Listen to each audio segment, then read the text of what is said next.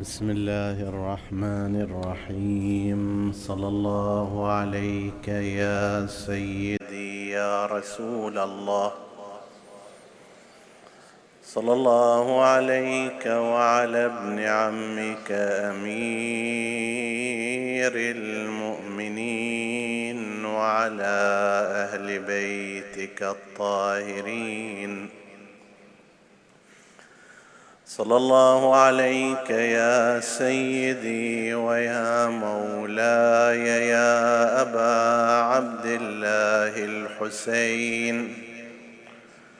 ما خاب من تمسك بكم وأمن من لجأ إليكم. يا ليتنا كنا معكم فنفوز فوزا عظيما. مات التصبر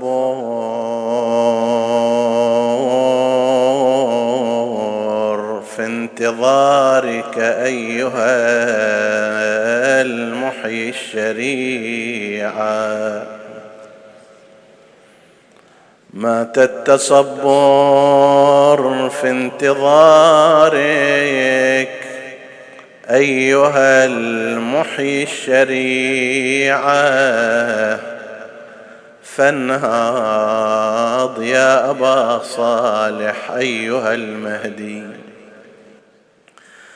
فانهاض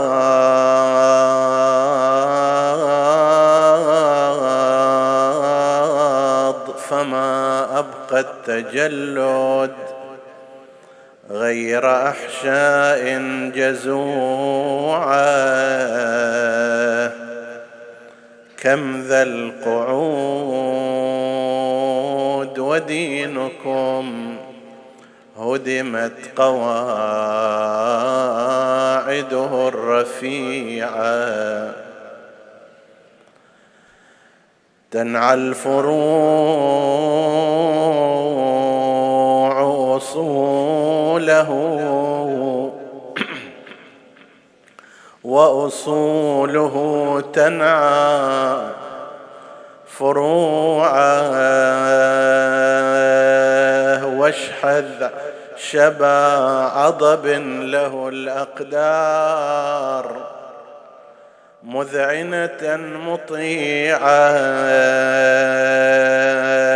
واطلب به بدم القتيل فيك بكربلاء في خير شيعة سيدي ماذا يهيجك يعني إذا على مصيبة الحسين أنت صابر شنو اللي يثيرك؟ شنو اللي يهيجك؟ ماذا يهيجك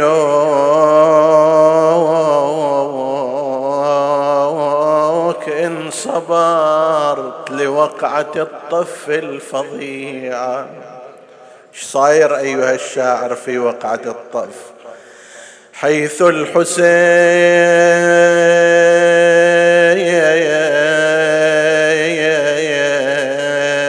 على الثرى خيل العداطة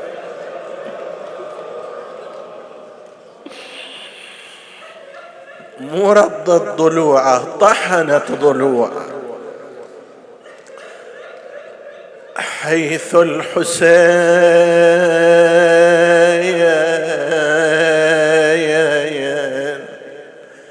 على الثرى خيل العدا طحنت. طحنت ضلوعه قتلته آل أمية ضامن إلى جنب الشريعة. ذاك يقول لا يذبح الكبش حتى يروى من ظمأ ويذبح ابن رسول الله عطشانا. قتلته آل أمية.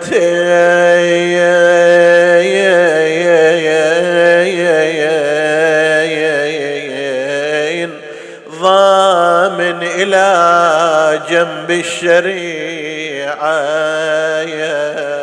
ورضيعه بدم الوريد مخضب فطل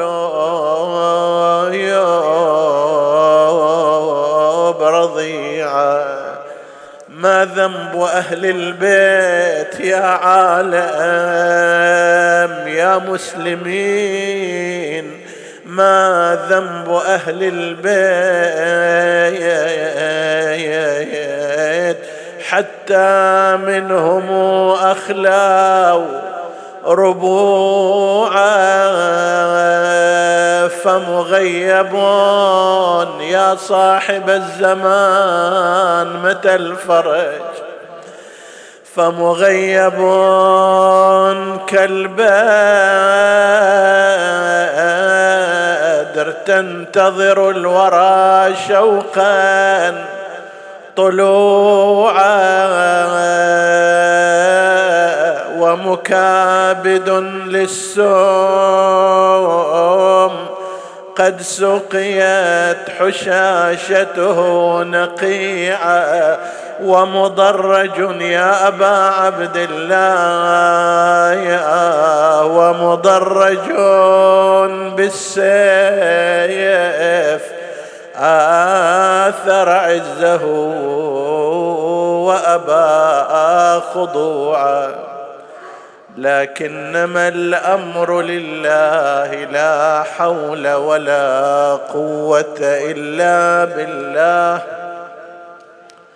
العلي العظيم إنا لله وإنا إليه راجعون.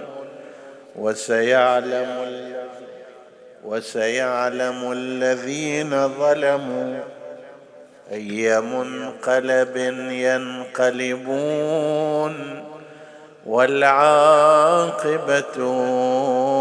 للمتقين.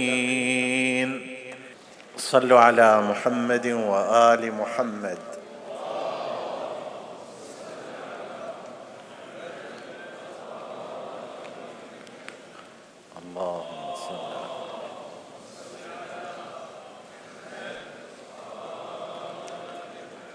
قال الله العظيم في كتابه الكريم بسم الله الرحمن الرحيم.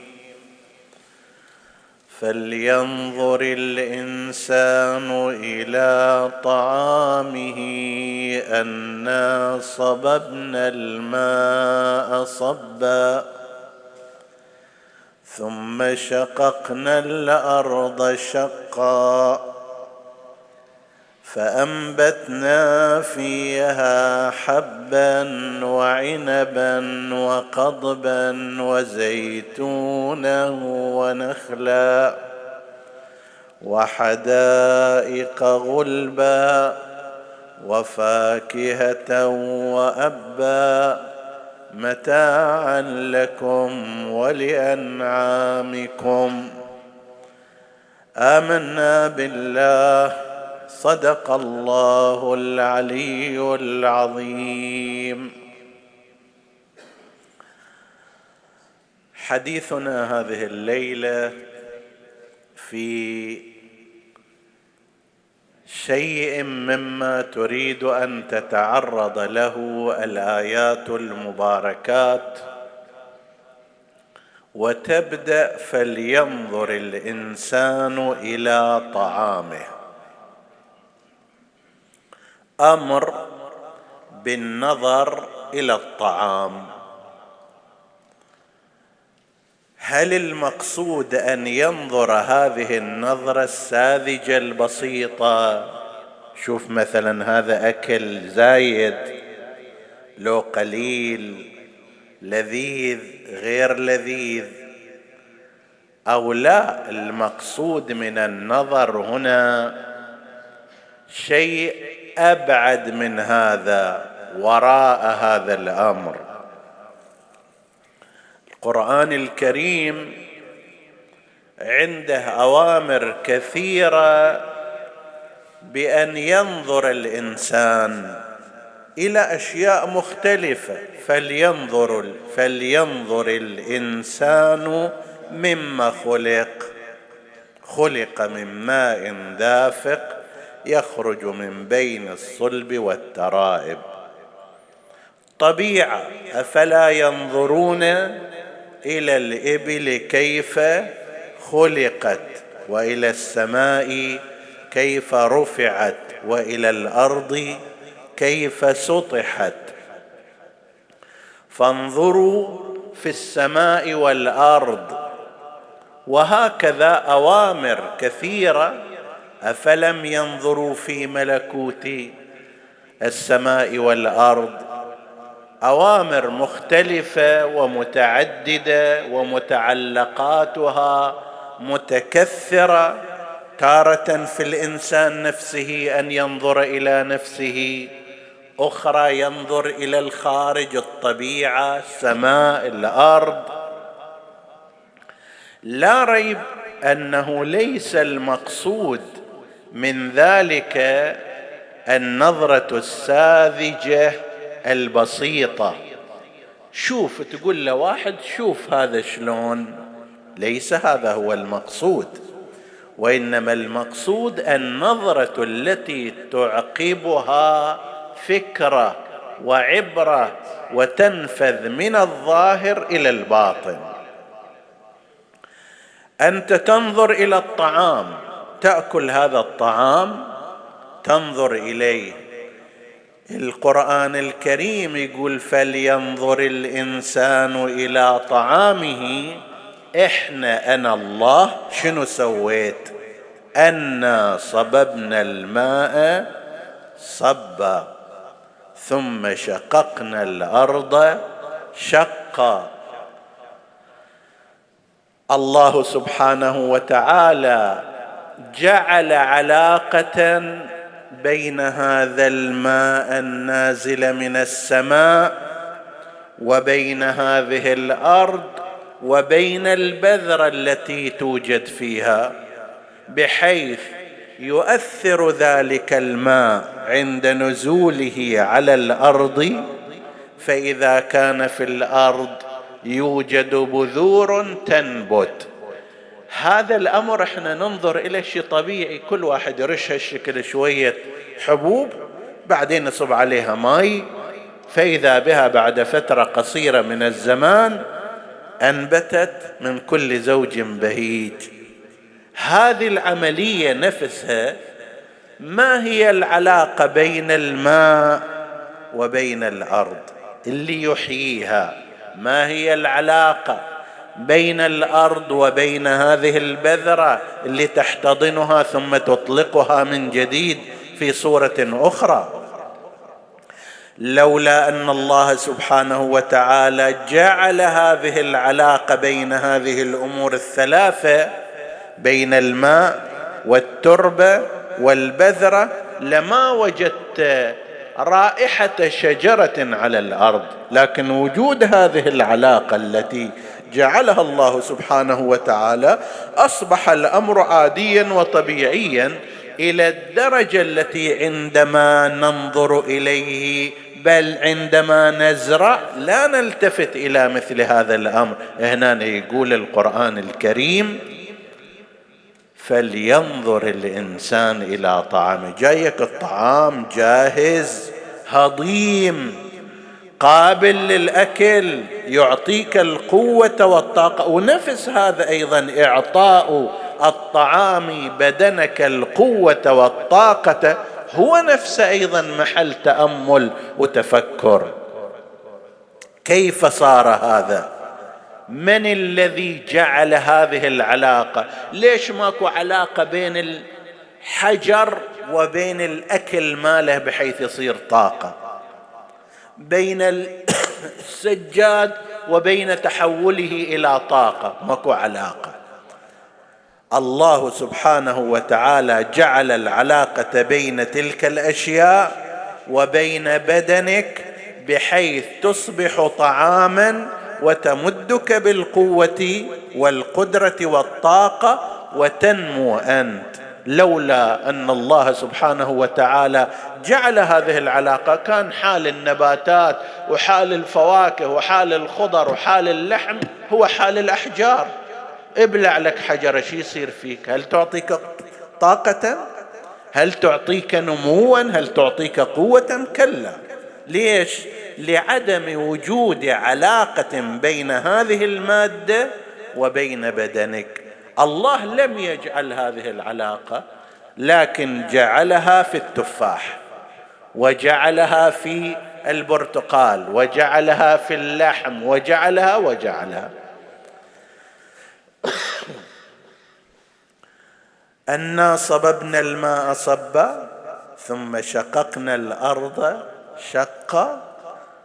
وإلا لو كانت الأرض صلدة كالجبال والأحجار ما كانت بل مهدها الله سبحانه وتعالى لمثل هذا الأمر. بعدين أنبت فيها الأشياء. لاحظوا التعداد الموجود أيضا محل نظر ومحل تأمل. فأنبتنا فيها شنو؟ حبا. الحب مثل القمح مثل الشعير مثل الذرة. وهذا عادة مما تكثر الحاجة إليه عند البشر وهو الطعام الأساس عند أكثر البشر لذلك جاء به مقدما. يعني تصور لو أن بلدا لا يوجد فيها حنطة ولا شعير. قسم مهم من التغذيه مالتهم ما تكون أي كل الأشياء المخبوزات والمعجونات وما شابه ذلك أصلها من هذا. فأنبتنا فيها حبا مما تكثر الحاجة إليه ويعتمد أساسا في حياة الإنسان وأيضا مثل الفواكه التي هي فائدة كبيرة فيها ولكنها ليست عنصرا غذائيا اساسيا عنبا. قضبا أيضا القضب فيه اختلاف في تفسيره. هل هو إشارة إلى أعلاف الحيوانات وأن الحيوانات على أثر التغذي بهذا العلف القضب باعتبار يقضب ويقطع وينمو من جديد؟ ف بالتبع أيضا الحيوانات التي تأكله تنمو وتصبح يصبح هذا مقدمة للحم هذه الحيوانات التي هي غذاء البشر. وزيتونا ونخلا. التفارق بين الزيتون والنخل كثير جدا في شدة الحاجة إلى هذا وقلة الحاجة إلى هذا. في طعم هذا وفي الطعم المخالف إلى غير ذلك من الأمور. فيجي القرآن الكريم يعدد هذه الأشياء ويقول هذه مو بس إلكم وإنما متاعا لكم ولأنعامكم. إذا كان كذلك نظر الإنسان إلى هذه الأطعمة فعبر منها من النظرة الساذجة البسيطة إلى النظرة المركبة الإيمانية زادت درجة إيمانه. نظر فيها تأمل فيها حمد ربه عليها. يقول لو أن الله سبحانه وتعالى ما خلق لنا هذه الأمور كيف كانت تكون حياتنا؟ بل لو لم يعدد خلقه. الآن ذكرنا في ليلة مضت أن عدد الأشجار والثمار عشرات الآلاف مع أن الإنسان الإنسان العادي ما يحتاج إلى كل هالأشياء يعني يكفيه شيء من الخبز أو الرز والخضروات وفاكهة فاكهتين تبقى حياته. ولكن الله سبحانه وتعالى مبالغة منه في نعمه وإن تعدوا نعمة الله لا تحصوها. نوع لك كل شيء عدد لك كل شيء وآتاكم من كل ما سألتموه بل ما لم تعرفوه ولم تخبروه حتى تسأل من عنده. هذه النظرة هي اللي تعبر بالإنسان إلى ماذا؟ إلى حالة الإيمان وإلى شدة الاعتقاد بالله وإلى كثرة الحمد لله سبحانه وتعالى. وهنا بين قوسين أقول لك ليكن ذكرك بالحمد لله. الحمد لله رب العالمين على طرف لسانك. أكو عندنا بعض الأذكار مثل إذا قال الإنسان الحمد لله على كل نعمة سابقة ولاحقة فقد أدى شكر النعم. يعني أنت دا تشكر الله على كل النعم السابقة وعلى كل النعم اللاحقة. أو الحمد لله رب العالمين. أو الحمد لله كما يحب ربنا ويرضى. أو ما شابه ذلك قدر الإمكان ليكن طرف لسانك مع كل ذكر ذكر الحمد لله عز وجل. غير هذا الثواب إذا قلت الحمد لله رب العالمين كنت محل دعاء كل مصل على وجه البسيطة. ليش؟ لأنه أنا وأنت بعد ما نرفع رأسنا من الركوع ماذا نقول؟ سمع الله لمن حمده. ذاك يدعو لي لأني أنا أحمد الله. يدعو الله يعني يا رب اسمع حمد من يحمدك. أنا حمدت الله عز وجل فذاك الإنسان. هل جمع الغفير في هذا المسجد المبارك لما يصلي؟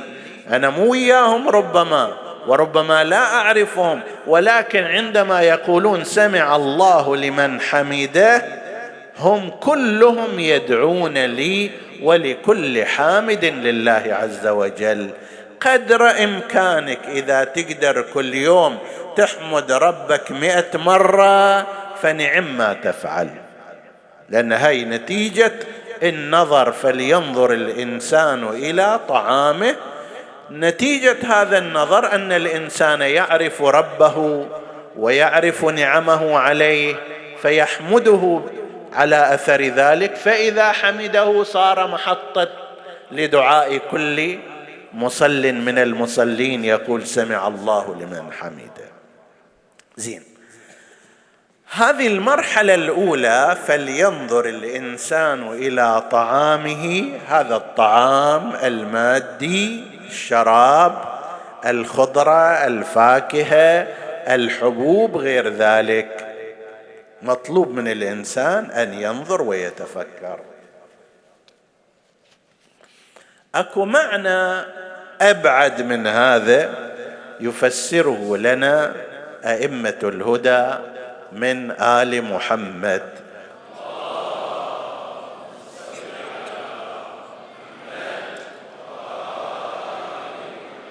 في الحديث عن الإمام الباقر عليه السلام في توجيه الآية المباركة قال فلينظر الإنسان إلى طعامه.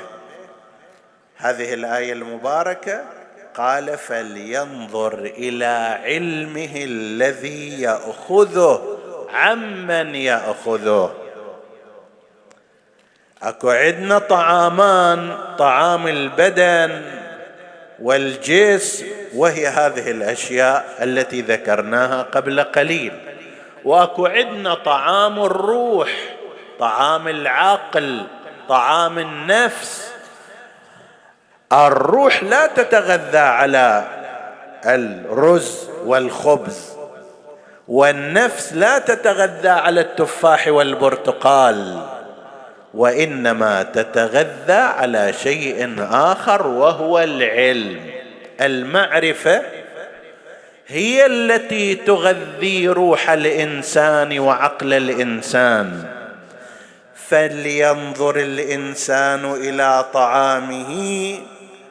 أحد بطونها أحد تفاسيرها الذي قدمناه قبل قليل. أحد البطون أحد الأعماق أنه بالإضافة إلى ذلك فلينظر الإنسان إلى علمه عمن يأخذ هذا العلم. هاي التغذية الواصلة اليك تغذي روحك تغذي قلبك تغذي نفسك ترسم اليك طريق حياة عمن تأخذها؟ هنا الإنسان يحتاج أن يدقق أكثر أكثر من الأول. ليش؟ لأن الأول أقصى ما راح يصير أن يأكل مثلا طعام ملوث أو غير صالح يصير عنده مغص في بطنه يروح إلى الطبيب وانتهى الأمر. بس إذا اجوا اخذ طعام للروح ملوث وأخذ علم باطل هذا ما في حول من الممكن أن برنامج حياته كله يكون برنامج غلط ويؤدي به إلى نار جهنم. فهنا يصير الأمر شنو؟ أصعب. ولذلك ورد أيضا بالإضافة إلى هذه الرواية عن الإمام الباقر عليه السلام قال ينظر إلى علمه عمن يأخذه. من وين أنت تستقي برنامج حياتك؟ من أين تأخذ ثقافتك وعلمك؟ من أين تأخذ خريطة اتجاهك؟ الحديث عن الإمام الحسن المجتبى عليه السلام أيضا ويقارن بين الأمرين. يقول عجبت لمن يتفكر في مأكوله. كيف لا يتفكر في معقوله؟ فيجنب بطنه ما يؤذيه ويأخذ لمعقوله ما يرديه. انت لما تروح إلى البقالة أو ما أدري السوق تشوف تاريخ الإنتاج وتشوف التصنيع شلون والشركة هذه هل هي شركة معتبرة لو لا؟ يفكر في مأكوله. فيجنب بطنه ما يؤذيه الشيء اللي يأذيه ما ياخذه. زين انت كيف لا تتفكر في معقولك؟ في أفكارك التي تدخلها إلى داخل نفسك ووجدانك وضميرك. كيف لا تفكر فيها؟ فإن في بعضها ما يردي ما يميت. مو قضية فقط يؤذي البطن وشوية سخونة. هناك حديث ينسب أيضا إلى الإمام أمير المؤمنين عليه السلام يذكره ابن أبي الحديد في شرح النهج بعنوان ينسب إلى أمير المؤمنين عليه السلام. قوله يقول ما لي أرى الناس إذا قرب الطعام إليهم ليلا تكلفوا إنارة المصابيح ليبصروا ما يدخلون بطونهم. جيت إلى البيت الكهرباء مطفية ما تهبش وبس على الأكل وإنما شنو تحاول تضوي؟ تشوف شنو هذا الأكل؟ زين مو زين مفيد غير مفيد. يقول ما لي أرى الناس هكذا يصنعون بالنسبة إلى الطعام. ليبصروا ما يدخلون بطونهم ولا يهتمون بغذاء النفس بأن ينيروا مصابيح ألبابهم بالعلم ليسلموا من لواحق الجهالة. إيش معنى هناك لما تريد تأخذ معارف؟ تأخذ علوم تأخذ أفكار ما تضوي عليها. تشوف أن هل هذه الأفكار أفكار صحيحة لو أفكار منحرفة أفكار باطلة أو أفكار سليمة. بينما أنت بالنسبة إلى الطعام العادي تضيئه بالمصباح. هذا يفتح الباب إلنا أيها الإخوة الكرام أيتها الأخوات الكريمات على أن نفكر مصادر المعرفة التي نأخذها ما هي ومن أين. أكو في البداية لابد أن أشير إلى أن حديثنا حول أحد قسمي العلم. عندنا علم تطبيقي.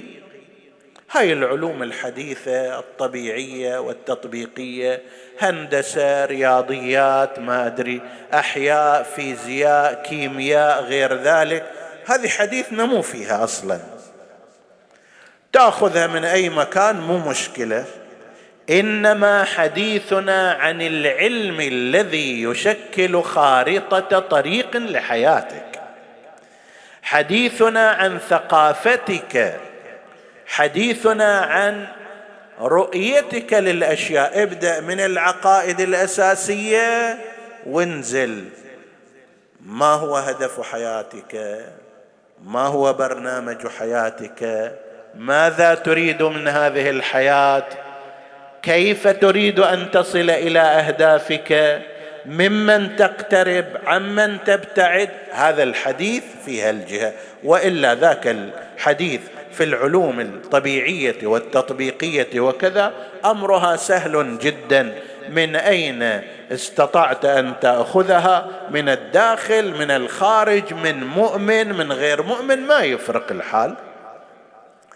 إنسان لو تعلم مثلا الرياضيات من شخص متدين جدا أو تعلم الرياضيات من شخص ليس بمتدين في حدود المعرفة بالرياضيات لا يتغير الحال كثيرا.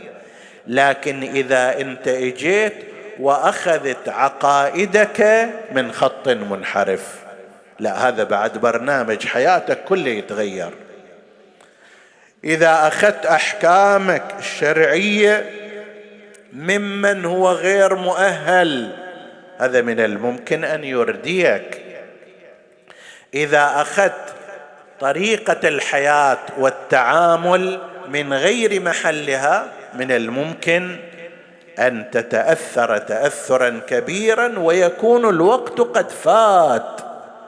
بعدين تتنبه تشوف وراك حمل ثقيل وطريق طويل انت طويته وهو طريق خاطئ إلى أن ترجع وتبدأ في الطريق الصحيح ربما يطول الأمر. لذلك هنا ينبغي يقول الإمام عليه السلام إن من معاني هذه الآية بل بطنها الأكبر فلينظر الإنسان إلى طعامه ينظر إلى العلم الذي يأخذه ينظر إلى الفكرة التي يستلمها ممن وعمن. ولذلك يؤكد علماؤنا عليه يؤكد أئمتنا عليهم السلام على أن لا تأخذ علمك في هذا الجانب إلا من كل عالم ثقة مأمون على الدين والدنيا وقد تتلمذ على تراث آل محمد.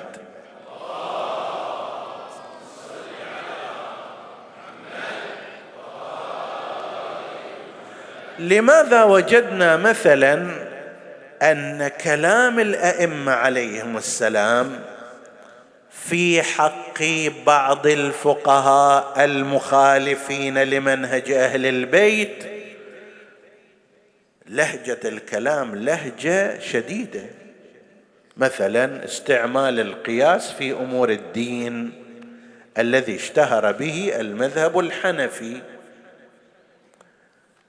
الأئمة شنوا حمله قويه على هذا التوجه إلى درجة أنه روي عنهم أن أول من قاس هو إبليس حيث قال في القرآن كما في القرآن الكريم قال أنا خير منه خلقتني من نار وخلقته من طين. هذا قياس. النار أي ناظر بشكل طبيعي لها أفضل من الطين. شنو الطين قيمته؟ النار أحد العناصر الأساسية في الحياة. الطين مو هالشكل. النار فيه إضاءة الطين ما فيه إضاءة. النار فيها دفء الطين ليس فيه هذا الدفء. النار تستطيع أن توقد بها طعامك. الطين ليس كذلك. مجموعة من الأمور إذا بس هذا كله قياس والقياس باطل. هذا الطين فيه نفخة من روح الله عز وجل. أسجد الله له أحسن خلقه انئذ وهم الملائكة. تجي تقول طين ونار وهذا يشتعل وذاك ما يشتعل. مع ان مع ان لاحظوا هذا. مع أنه أحيانا قد يكون القياس صائبا. لكن الأئمة عليهم السلام أرادوا أن يمنعوا هذا التوجه لأنه كثير الخطأ ولأنه غير ممضن من الناحية الشرعية. حتى لو أحيانا يمكن يمكن يصيب ويوصل إلى المقصد يقول لك لا أنا هذا لا أعتمده طريقا إلى الجنة. خط عليه علامة إكس وانتهي. لا تقيس ابدا. لماذا مثلا بعض العلماء يجي يقول لهم الإمام شرقا غربا لن تجدا علما صحيحا إلا خرج من أهل بيت محمد.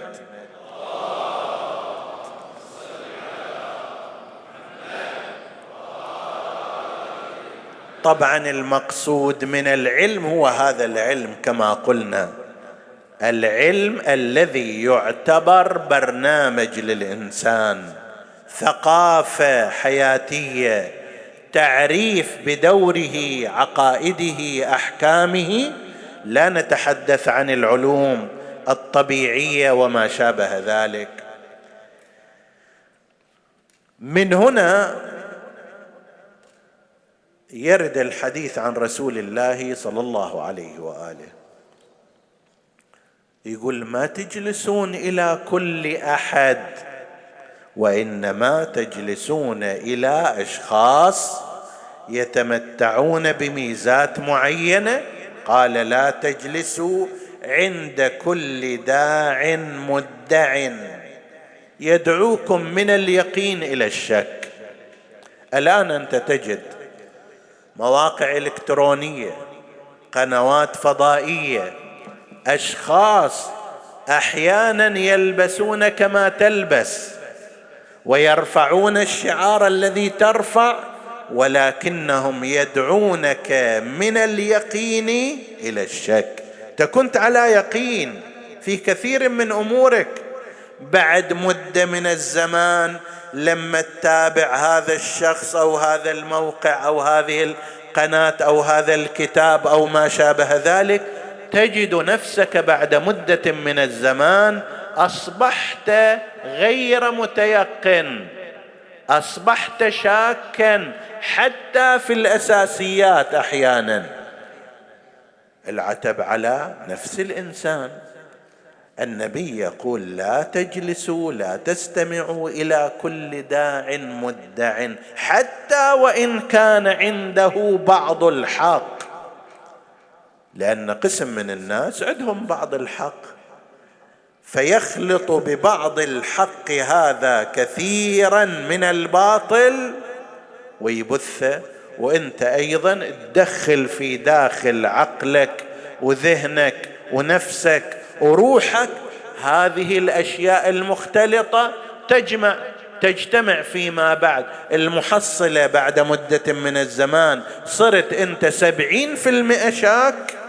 وثلاثين في المئة متيقن. ضاع من عندك اليقين ضاع من عندك الاطمئنان إلى عقائدك وإلى أفكار دينك وإلى مذهبك وحل محله هذا المقدار من الشك والتردد. يقول لا تجلسوا عند كل داع مدع يدعوكم من اليقين إلى الشك ومن الإخلاص إلى الرياء ومن التواضع إلى التكبر. شايف مثلا هالفترات هالكلمة الشائعة يقول أنت عندك عقل أنت لازم تعتمد على عقلك. الله أعطى لك عقل لازم تعتمد عليه. ما عليك من هذا ومن ذاك. هذا يدعوك من التواضع إلى التكبر. فانت تتكبر على هذا العالم لا تأخذ منه وتتكبر على ذاك الحديث لا تأخذ به. وبالتدريج تجد نفسك في صحراء التيه. وهذا قد حصل لأناس. ومن التواضع إلى التكبر ومن النصيحة إلى العداوة ومن الزهد إلى الرغبة. خل أنهي حديثي بإشارة وأنت عندك بحمد الله من الوعي والمعرفة ما يكفيك لقراءة مقالة كاملة من سطر واحد. عندنا الآن إذا واحد يفتح عينه على المواقع الإلكترونية على الكتب المنتشرة على القنوات الفضائية على المتكلمين والمتحدثين نجد ثلاثة أقسام. هذا تبسيط للمسألة شديد وإلا الأمر أكثر من هذا. قسم من هذه المواقع من هذه القنوات الحرام فيها بل الكفر فيها والخطأ فيها واضح وجلي. كل إنسان لما يطالع مثلا المواقع الإباحية مواقع العري مواقع الخلاعة يفتهم وهو ينظر أن هذه أشياء محرمة لكن قد يغلبه جانب الرحمن فيغلقها وقد يتغلب عليه الشيطان فينظر إليها لكن وهو ينظر يدري هذا حرام. يدري هذا مو زين يدري هذا شيء مو حسن. وربما فيما بعد يتندم ويتأسف وبعض الناس بل كثير منهم يتوب بعد ذلك والله يقبل توبته. مواقع العري مواقع الخلاعة مواقع الطعن في القرآن الكريم مواقع الطعن في المعصومين في رسول الله صلى الله عليه وآله والمعصومين صلوات الله وسلامه عليهم. مواقع تفنيد الأحاديث والروايات وإلغائها يتبين للإنسان أن هذه من الأماكن الموبوءة صراحة ومعلومة فيها الحرام فيها الفساد فيها الكفر وهذه صريحة واضحة.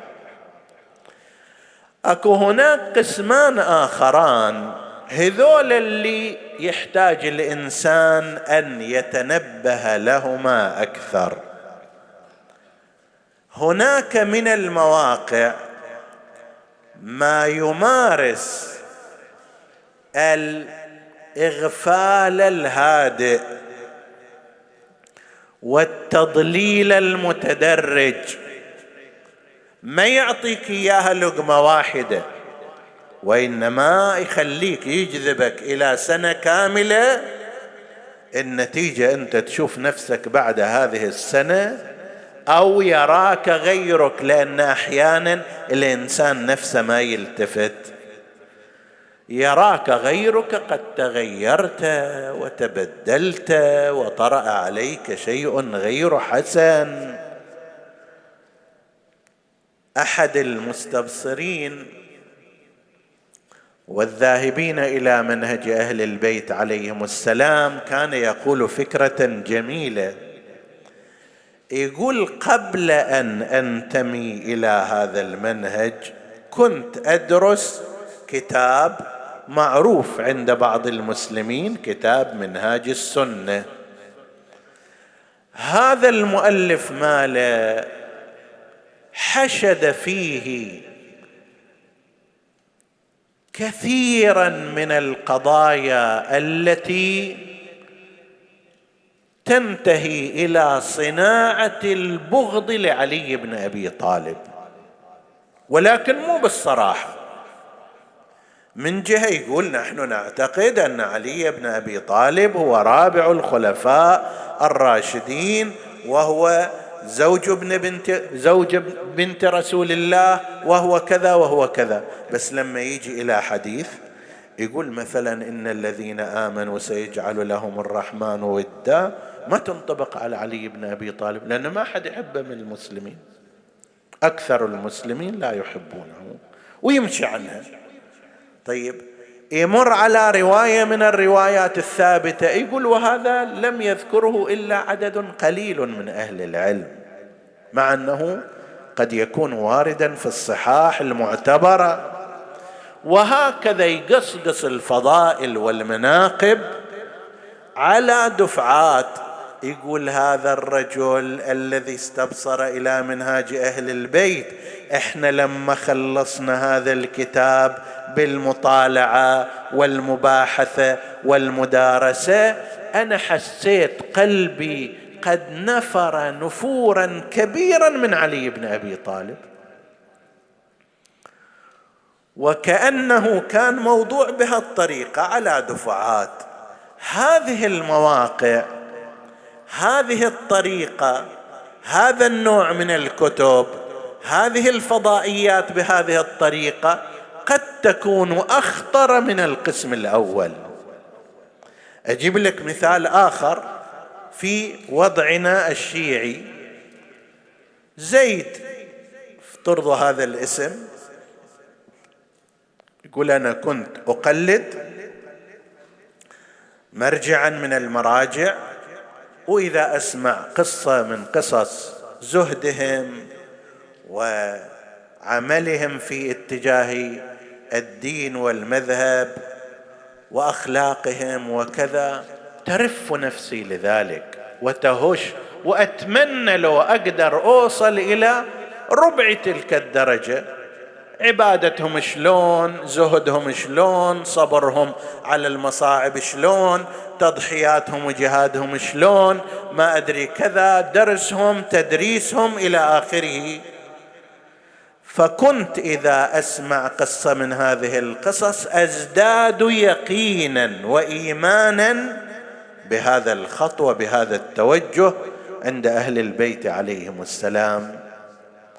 إلى ان صار بدأت أتابع إحدى القنوات الفضائية. قلت خليني أسمع أشوف شو يقولون شنو يحجون. فشفت هذا الكلام على ذيك الطريقة. أنه فلان واحد صار كذا فلتان واحد صار كذا. وأكثره لو لم يكن كله كذب محض. طيب. فيقول أنا بعد أغراني هذا الشيء بالمتابعة.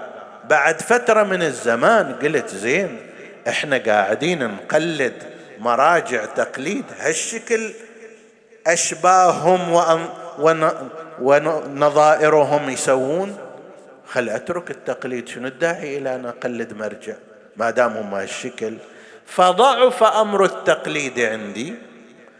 ضعف على أثر ذلك الاتجاه الإيماني والتأثر بالموعظة وسماع القصص والحوادث التي تحفزني على الخير. قلت يتبين ما إذا هذا الحكي كله صحيح يتبين هذا كله كلك وكل ما أدري كذب وكله كذا وكذا. فليش أنا أسوي هالشكل؟ ضعف جانب العبادة عندي ضعف الجانب الروحي عندي وصلت إلى درجة آخر الأمر اللي هذه الدرجة كانت بمثابة جرس الإنذار علي صار عندي فكرة منو يقول إن الأئمة ما كانوا هالشكل؟ إذا كانوا العلماء والمراجع والفقهاء اللي هالشكل زيد وعبيد يقول عنهم كذا وكذا وإحنا ما ندري. لعله الأئمة هم كانوا هالشكل. يقول هنا أنا قلت يا فلان ترى أنت دا توصل تكفر. آخر شيء راح توصل إلى رسول الله. في تشكيكة في تشكيكك انتبه لنفسك. يقول هذا كان بمثابة جرس إنذار اللي رجعني. فلينظر الإنسان إلى طعامه. مو هذا الأكل فقط هذا شيء بسيط. الشيء العظيم هو هذاك. عندما أنت تأخذ طعام فكري ملوث وإن كان المتكلم به معمما وإن كان يتكلم بقال الصادق والباقر وإن كان يلبس لباسك ويستخدم نفس عباراتك. لكن هذا دا يعطيك السم ممزوجا بالعسل وانت راح توصل لا سمح الله يوم من الأيام مو بس إلى أن تشكك في المرجعية لا راح تشكك أيضا في الأئمة تترك الأئمة تصعد إلى النبي صلى الله عليه وآله. هنا هذه هذا القسم الثاني هو أكثر خطورة لأن الإنسان لا يستشعر به مثل ميكروبات وفيروسات. الأخطر من الفيروس اللي ما تظهر آثاره بسرعة. يدخل في بدنك ويستوطن ويتوغل ويوقعك بعدين. أما إذا ميكروب من البداية صعد حرارتك أنت بسرعة تلتفت وتلاحظ الأمر. هذا النوع من الثقافة من الفكر هالمواقع هالفضائيات هالكتب هالمصادر هي التي قد تفقد الإنسان يقينه بل إيمانه وتشيعه وولاءه لأهل البيت عليهم السلام. إن شاء الله راح يصير عندنا فد ليله من الليالي حول كيف يهاجمون المرجعية الدينية. سنة ماضية إحنا تكلمنا عن من هم أعداء المرجعية الدينية. هالسنة نتحدث عن وسائلهم وأساليبهم. إن شاء الله الله يوفق. ونتحدث في هذا الموضوع. القسم الثالث هو لا من القسم الأول مثل الكفر والإلحاد وكذا والإرهاب الصريح ولا هو من القسم الثاني القسم اللي يطلق عليه باللهو.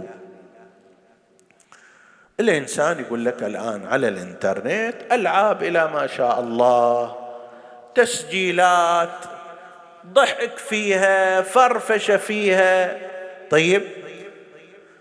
أنا بس اشاهد هذا الحمد لله لا فيها تعري ولا فيها أيضا ضد الدين وإنما مجرد ألعاب أنا ألعب فيها إما بنفسي أو مع آخرين أو على الإنترنت أو غير ذلك يعني مع آخرين بعيدين عني.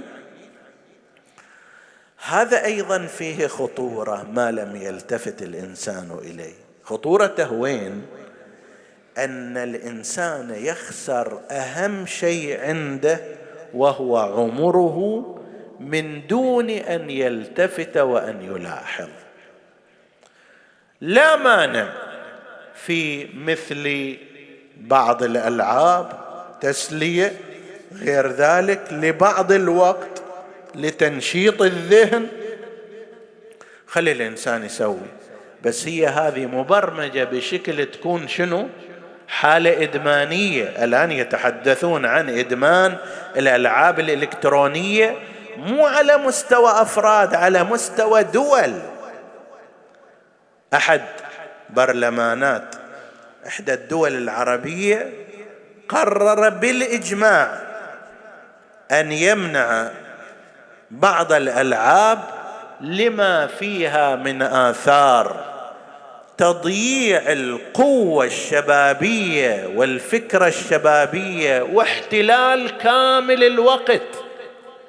أحيانا بعضهم يبقى لك طول النهار باستثناء وقت الأكل ووقت النوم. أهملوا دروسهم بعضهم بعضهم عطل أعماله. قضية البيت واحتياجاته وكذا أصلا لا يعرفها هو مشغول. للغاية. زين النتيجة ما هي؟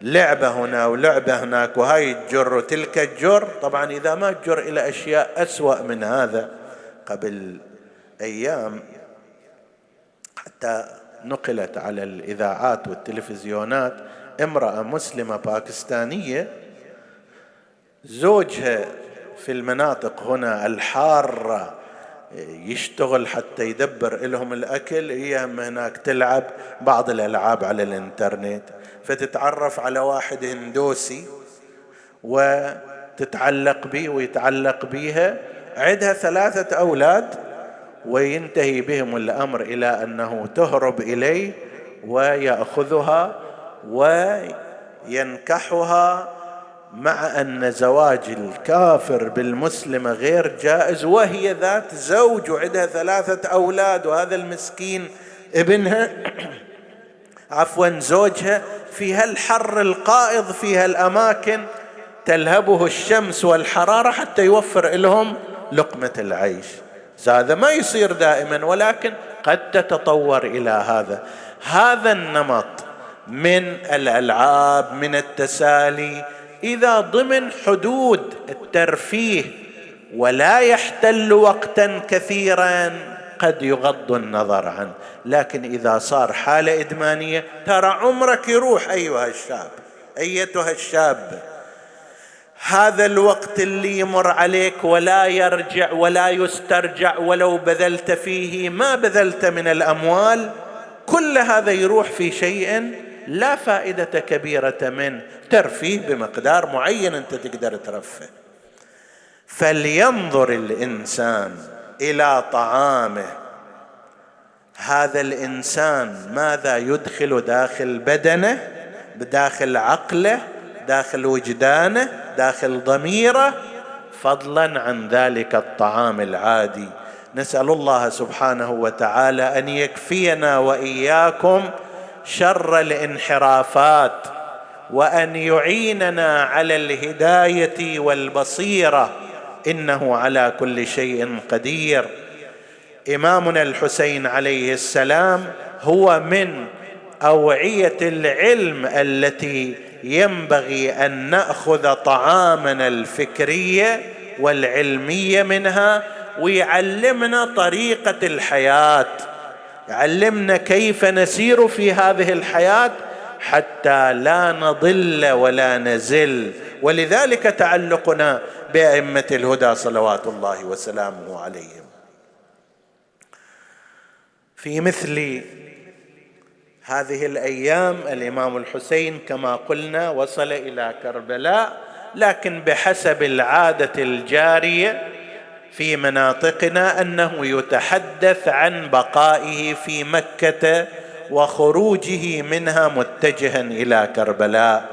الإمام الحسين عليه السلام بعدما وصل إلى مكة المكرمة في حوالي الثالث من شهر شعبان بقي فيها شهر شعبان بكامله ورمضان وشهر رمضان وشهر شوال وذا القعدة وشيئا من ذي الحجة ويزيد أمر واليه الجديد عمرو ابن سعيد الأشدق الأموي وكان شخصا شرسا فاتكا أن يغتال الإمام الحسين عليه السلام في مكة المكرمة وإن كان متعلقا بأستار الكعبة.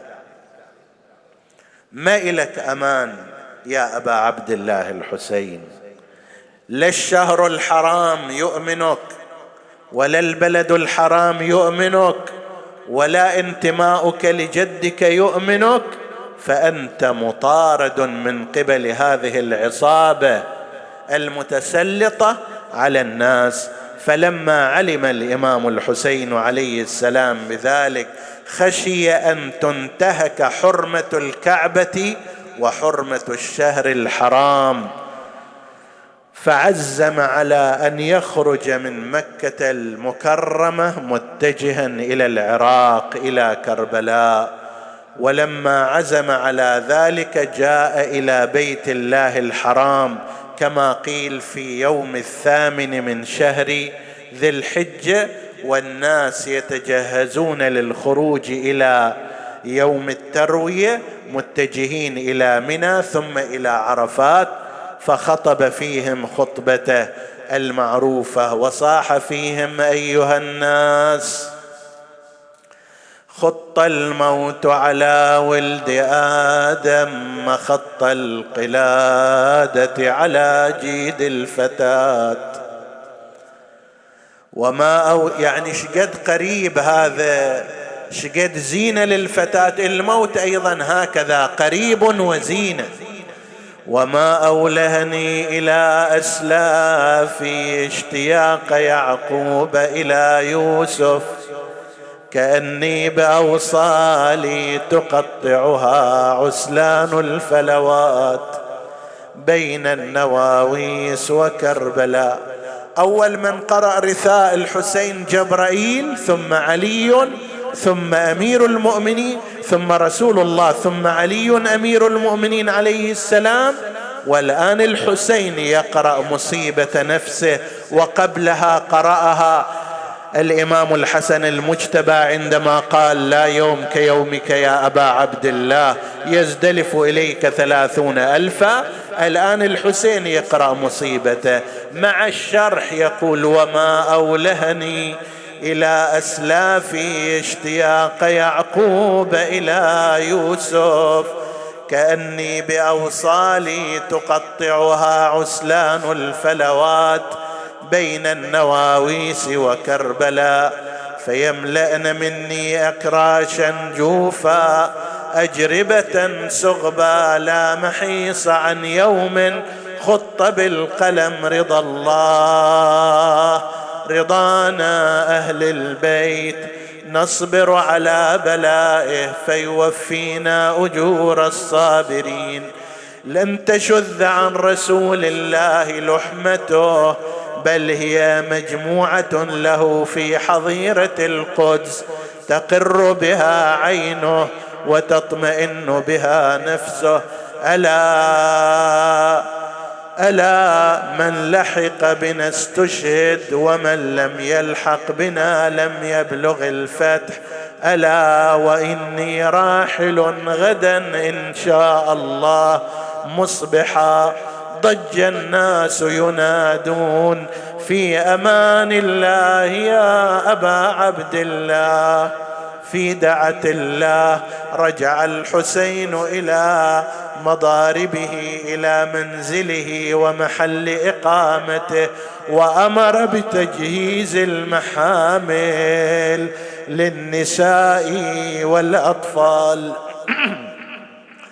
فجهز المحامل وكلف كما ذكروا كل رجل إلى محمل أما زينب سلام الله عليها فعندما جاء إليها الخبر بأن الحسين عازم على الخروج استدنت أبا الفضل العباس وكان معروفا بأنه كفيلها. كأني بها وبه جالسان في ذلك المكان وهي تشكو إليه قلقها وخوفها من هذا المسير. وأبو الفضل العباس يهدئها ويخبرها بأنه لا يصل إليها مكروه ما دام سيفه بيده وما دامت يداه سالمتان. كأني بها وقد ذكرت له.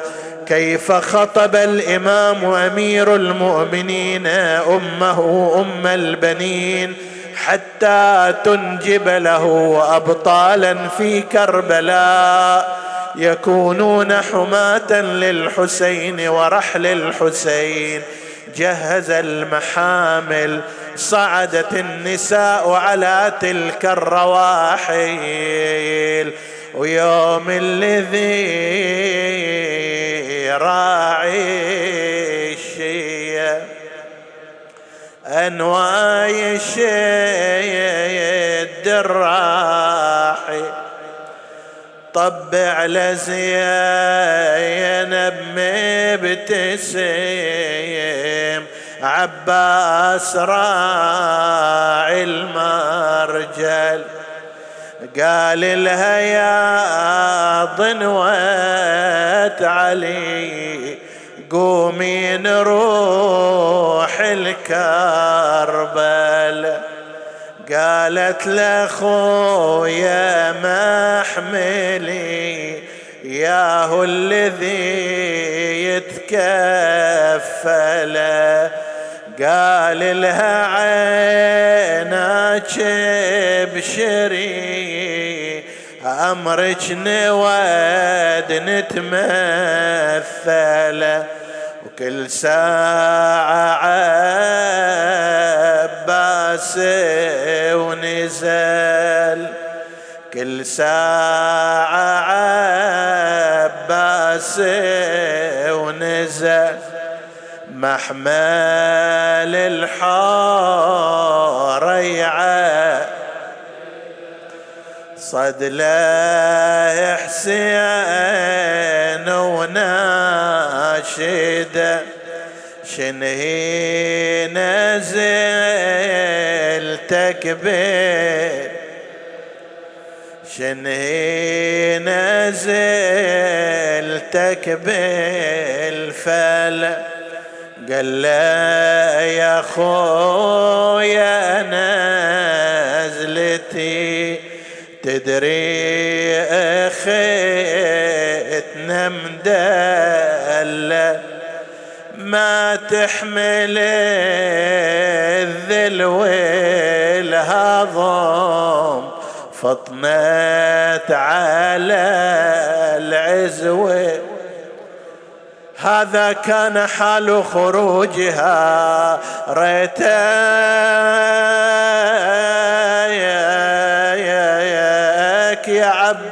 عباس تحضر يوم طلعت من كربلاء سترت وجهها جفوفها والدمع الخد سايلة. واللي رادت النوقة عثار يضرب خواتك حرملة وحسين. كأني بها وجهت وجهها جهة المشرعة عندك يا أبو فاضل يا خويا أشتكي حال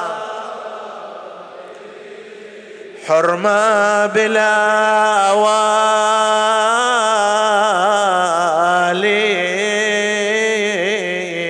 والشمر يبرى اللي يحدي للناقة زجر عباس يا ترضى يذلوني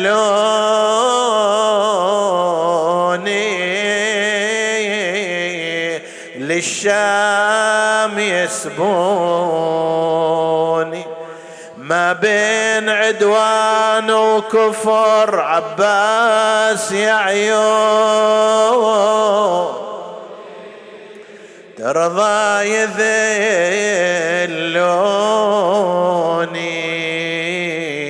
للشام يسبوني. عباس تسمع زينبا تدعوك من لي يا حماي